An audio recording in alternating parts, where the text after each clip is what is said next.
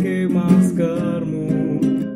Bila kau keluar jaga jarak satu meter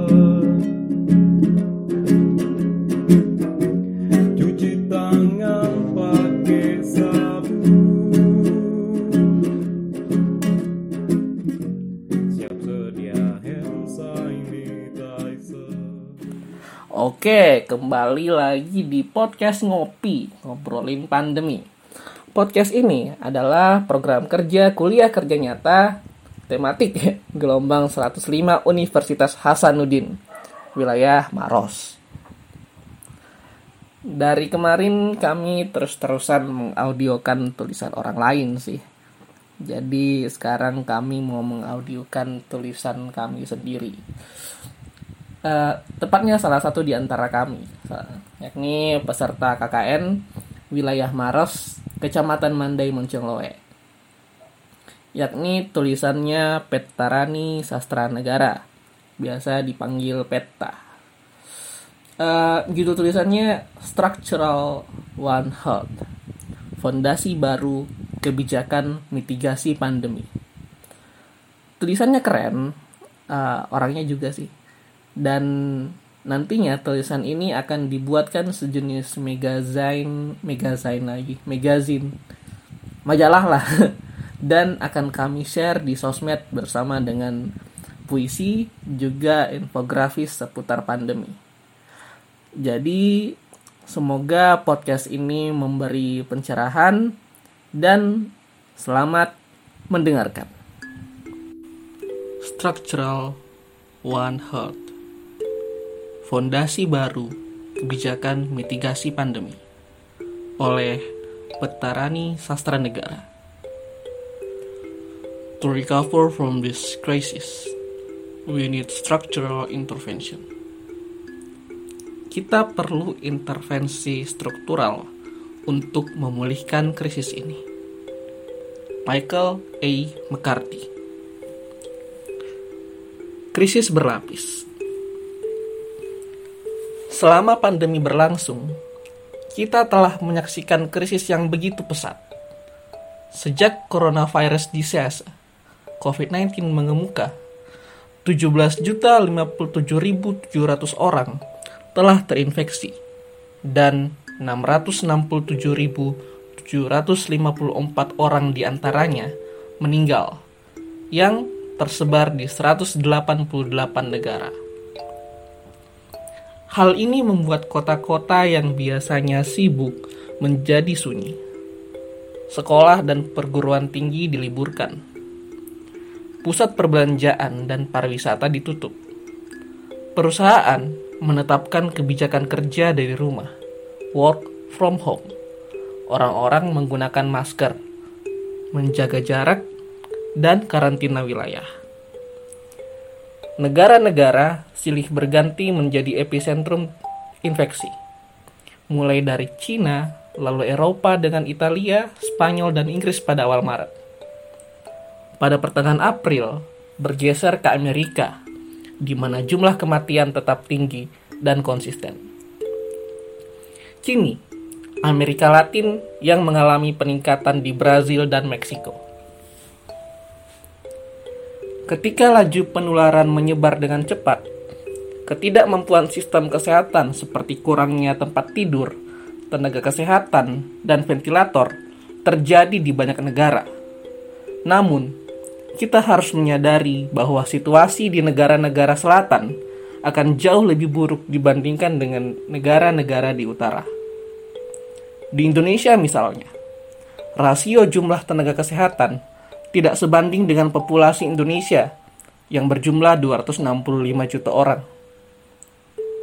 Ironisnya, tenaga kesehatan yang diharapkan menjadi garda terdepan cenderung berkurang akibat sebagian dari mereka terpapar dan meninggal. Amnesty Internasional menunjukkan setidaknya sudah 3.000 orang pekerja kesehatan meninggal. Tidak diberi kompensasi yang layak mendapatkan stigma dan bahkan mengalami kekerasan terkait profesi mereka yang tersebar di seluruh dunia. Kurangnya alat pelindung diri menjadi penyebab pekerja kesehatan menjadi lebih berisiko untuk tertular. Fasilitas rumah sakit juga menjadi satu dari serangkaian masalah yang mengkhawatirkan di selatan global. Di Indonesia hanya tersedia 310 ribu ranjang perawatan untuk populasi sebesar tadi. Bangladesh hanya memiliki 1100 ruangan ICU untuk populasi 157 juta orang. Situasi ini akan jauh lebih buruk jauh lebih buruk bagi negara-negara yang tidak memiliki informasi kapasitas perawatan di masa permintaan yang tidak terelakkan yang timbul dari COVID-19. Di wilayah yang berada di tengah-tengah konflik bersenjata dan aneksasi seperti Palestina, kondisi seperti ini akan jauh lebih buruk. Salah satu rumah sakit di Yerusalem Timur misalnya, hanya memiliki 22 ventilator untuk hampir 350 ribu orang akumulasi kerentanan di selatan global akan mengantar pada sesuatu yang disebut angels sebagai pembunuhan sosial. Krisis lain yang turut mengemuka adalah ekonomi. Tidak butuh waktu lama, pandemi COVID-19 telah menjadi nail in the coffin bagi banyak perusahaan. Merosotnya tingkat akumulasi sejak Maret telah menyebabkan 114 perusahaan pengecer maskapai penerbangan, restoran, retail, retail, telekomunikasi, industri manufaktur, energi, pusat kebugaran, hingga hiburan di Amerika menyatakan bangkrut. Robert 2020 dalam pandemik ekonomi menyebutkan ekonomi dunia tahun 2020 akan mengalami kontraksi yang lebih buruk dibandingkan krisis subprime mortgage. dan kebijakan penguncian di atau lockdown di negara-negara penyumbang setengah pertumbuhan dunia seperti Amerika, Cina, Jerman, Inggris, Prancis, India, Italia, dan Brazil memicu supply chain shock yang secara integral berdam ter berdampak ekonomi di selatan global. Gangguan ekonomi ini akan memicu lonjakan pengangguran sehingga menurunkan permintaan agregat menambah 8% dari populasi miskin sekaligus memperdalam ketimpangan. Wabah COVID-19 merupakan penyakit yang disebabkan oleh coronavirus SARS-CoV-2 yang mengakibatkan sindrom pernapasan akut dengan tingkat fatalitas yang bervariasi di wilayah geografis tertentu. Penularannya berawal dari transmisi hewan ke manusia, ke manusia yang kemudian menyebar antar manusia dan dalam konteks ini terhubung dengan pusat perdagangan hewan liar di Wuhan. Diperkirakan patogen baru sebagian besar berasal dari hewan dan sekitar 75% berasal dari satwa liar. Penyakit Ebola, Nipah, Zika, West Nile fever, malaria, MERS dan cikungunya, antraks, flu burung, demam berdarah, kolera, SARS merupakan di antaranya yang muncul dengan frekuensi yang belum pernah terjadi sebelumnya dan menjadi ancaman kesehatan global. Menemukan pendekatan yang tepat untuk mengatasi perkembangan patogen lebih lanjut menjadi penting sebagai langkah mitigasi kesehatan populasi dan dampak destruktifnya tidak terulang. Kecemasan tentang ancaman penyakit telah memicu untuk menghadirkan kembali pendekatan One Health dalam mengurai persoalan kesehatan populasi. Pendekatan ini telah digunakan di seluruh dunia, termasuk Indonesia, walaupun telah berupaya menautkan penyelidikan kesehatan yang lebih holistik dengan cakupan yang tidak terbatas pada satwa liar, ternak, tanaman, manusia, beserta kehidupan alaminya. Pada kenyataannya, pendekatan ini gagal menanggulangi perkembangan patogen. Untuk itu, penulis mengajukan pendekatan alternatif, yaitu Structural One Health, yang menghubungkan ilmu-ilmu sosial, sejarah, infrastruktur budaya, dan geografi ekonomi politik kapitalisme yang mendorong evolusi genetik munculnya patogen dan penyebaran spasial. Pendekatan ini penting untuk diapropriasi oleh parlemen di selatan global untuk merancang kebijakan undang-undang dan penelitian di masa depan untuk mencapai kesehatan populasi yang lebih baik. Melampaui One Health menautkan hubungan sirkuit kapital dalam studi epidemiologi. Istilah One Health merupakan pendekatan untuk mengendalikan penyakit menular dengan metodologi yang kolaboratif, terintegrasi, dan multidisiplin. Sebelum menjadi komitmen kemitraan global, pendekatan ini punya sejarah panjang yang terkait dengan istilah One Medicine, One Medicine, dan Calvin Schwab yang menekankan kolaborasi penyembuhan dan pengendalian penyakit yang mempengaruhi manusia dan hewan. Menurut pendekatan ini, ketiga domain penting antara manusia, hewan, serta lingkungannya ditempatkan dalam satu hubungan timbal balik yang kompleks. Mengintegrasikan studi kesehatan lintas domain memungkinkan selangkah lebih maju dibandingkan pendekatan dengan intervensi tunggal untuk mengendalikan penyakit menular. Pendekatan One Health menganggap peningkatan peluang patogen baru hewan dan manusia akibat gangguan keseimbangan ekosistem yang dipengaruhi oleh alih fungsi lahan, urbanisasi, domestifikasi hewan, industri ekstraktif, rekreasi, insektifikasi pertanian, industri peternakan, bencana alam, jalur transportasi, pembangunan infrastruktur, perubahan bentang alam, dan jaringan perdagangan global. Namun, pendekatan ini mengidap miopi epistemologi yang cenderung melihat faktor-faktor kausal transmisi penyakit sebagai bagian yang terisolasi dari persoalan dari persoalan struktural. Akhirnya, inisiatif ini gagal mengidentifikasi masalah dan intervensi yang tepat dalam menangani kemunculan patogen. Sebagai tanggapan atas lumpuhnya pendekatan sebelumnya, Robert Wallace mengusulkan suatu pendekatan baru yang disebut structural one health. Pendekatan ini didefinisikan sebagai bidang baru, meneliti dampak sirkuit modal global dan konteks dasar lainnya, termasuk sejarah kebudayaan yang mendalam terhadap agribisnis regional dan terkait dengan dinamika penyakit lintas spesies. Dengan structural one health, kita dapat menentukan pengaruh sirkuit modal untuk menghasilkan penyakit yang saling terhubung di seluruh dunia. Wallace, Wallace menjelaskan bahwa penularan penyakit bukan sebagai krisis episodik, melainkan simptom krisis struktural. Betapapun efektifnya vaksin, itu tidak akan mengakhiri kemungkinan penyakit menular muncul. Pendekatan ini berusaha melampaui geografi absolut yang biasanya berkonsentrasi pada daerah tertentu di mana penyakit timbul pertama kali.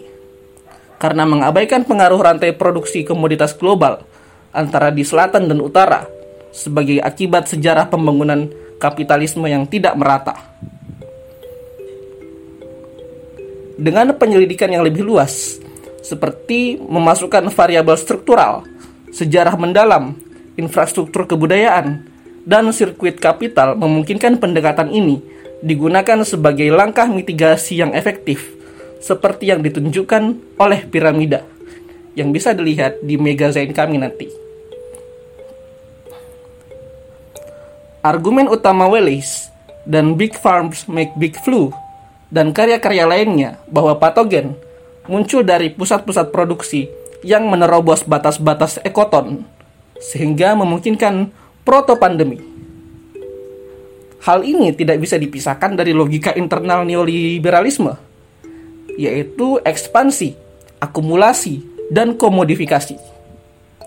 Dalam wabah Ebola Makona yang menginfeksi 29.000 orang di Afrika, terhubung dengan deforestasi, penambangan, dan intensivitas pertanian yang berorientasi ekspor Epicentrum Ebola di Guinea diindikasi akibat ekspansi lahan hutan savana untuk kebutuhan minyak sawit yang berkantor pusat di dunia utara. Hal ini menyebabkan perubahan fungsi hutan sebagai tempat tinggal kelelawar frugivora, reservoir utama Ebola, untuk bermigrasi ke perkebunan sawit. Mengomentari pandemi COVID-19, Wallace menjelaskan bahwa domestifikasi hewan liar menjadi komoditas pangan yang berkelindan dengan perluasan produk agribisnis pasca Mao telah mendorong kemungkinan transmisi penyakit vir virulensi ke manusia. Secara global dan khususnya di Cina, makanan liar menjadi semakin formal sebagai sektor ekonomi Ketika agribisnis seperti babi, unggas, dan sejenisnya memperluas ekspansinya di pinggiran hutan, sehingga memberi tekanan persaingan pada pasar komoditas pangan hewan liar untuk mengeruk jauh ke dalam hutan. Pembelian 60% saham Hui Investment and Development oleh Goldman Sachs telah mengakibatkan perluasan produksi agribisnis raksasa Cina yang terhubung dengan Smithfield Food produsen babi terbesar yang berpusat di Amerika. Pemindahan pusat agribisnis dari dunia utara ke dunia selatan adalah khas dalam produksi komoditas sejak abad 21. Dengan kontrol korporasi multinasional yang berburu sumber daya alam utamanya tanah dan tenaga kerja murah, jangkauan geografis perdagangan dan ekspor komoditas yang terhubung membuka kemungkinan peningkatan keragaman patogen dan mengirimkan patogen dari kota-kota ke seluruh dunia dalam waktu singkat. Rantai produksi komoditas global dan ekspor kapital yang mengiringinya dengan kata lain telah menghancurkan kompleksitas lingkungan yang menjaga patogen tetap terkendali. Selain memberikan peluang bagi proto pandemi, Serangkaian masalah kesehatan sebenarnya telah diprogramkan berpuluh-puluh tahun lalu ketika hak milik publik diprivatisasi dan kebijakan penghematan yang terkait dengan restorasi neoliberalisme.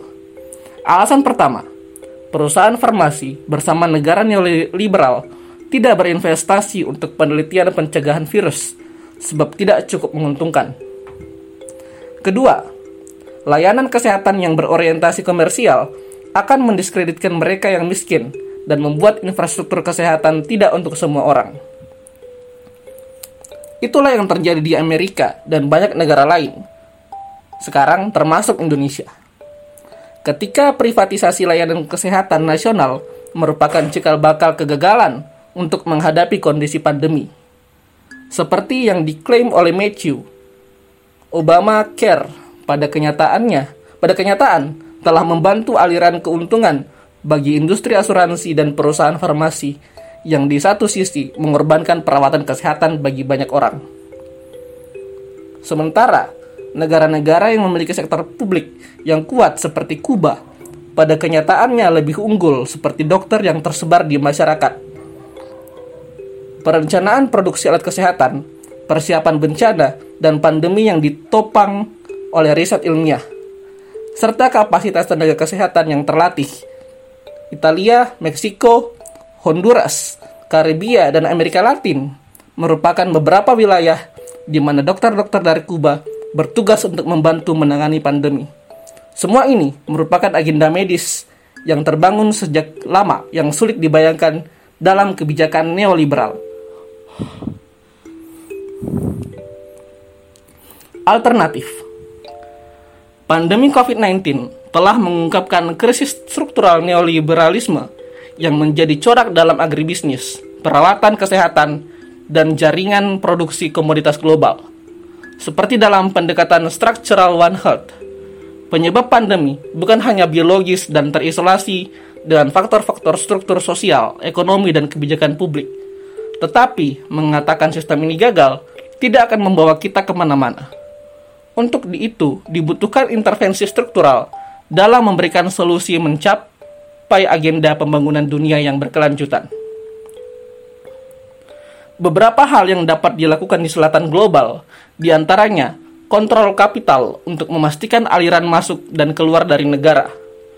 Sebab, ekspor kapital di selatan global akan mendorong deforestasi, hutan dengan skala yang besar, dan operasi perdagangan jarak jauh yang memicu perkembangan patogen. Mengakhiri produksi agribisnis yang berorientasi ekspor dan berfokus pada produksi utamanya pangan berdasarkan kebutuhan. Melakukan redundansi dalam rantai pasokan dan diferensiasi pangan yang berproduksi di lokasi produksi yang juga beragam. Langkah lainnya yang patut diperhatikan adalah upaya untuk memulihkan lahan dan habitat alami hewan liar. Politik penghematan selama bertahun-tahun telah membingkai sistem perawatan kesehatan masyarakat sedemikian rupa sehingga tidak mampu menghadapi keadaan darurat. Ini harus diakhiri. Kapasitas kesehatan publik harus dibangun kembali yang mengarah pada pelayanan masyarakat. Perencanaan yang partisipatif memungkinkan untuk menyusun kembali produksi sektor-sektor esensial untuk kebutuhan publik seperti alat-alat kesehatan beserta pusat-pusat pengendalian epidemi. Identifikasi patologi sejak dini membutuhkan investasi publik dengan, dalam pendidikan dan kapasitas penelitian. Jika langkah-langkah untuk mengubah sistem ini tidak dilakukan sekarang, kita tinggal menunggu bom waktu pandemi ini akan berulang dengan skala yang belum pernah dibayangkan sebelumnya. Sekian. Itulah tadi audio artikel dari tulisan karya Petarani Sastra Negara. Dan itulah tadi audio artikel dengan pelafalan bahasa Inggris yang ya gitulah. Jadi maaf ya, bahasa Inggris saya cuma dapat B. Akhir kata, terima kasih sudah mendengarkan. Ingat, jaga kebugaran dengan rajin-rajin berolahraga, makan makanan bergizi seimbang, sering-sering cuci tangan, hindari kerumunan dan jaga jarak. Sekian, sampai jumpa di episode selanjutnya. Ayo kita rawat diri Di masa pandemi ini Adaptasi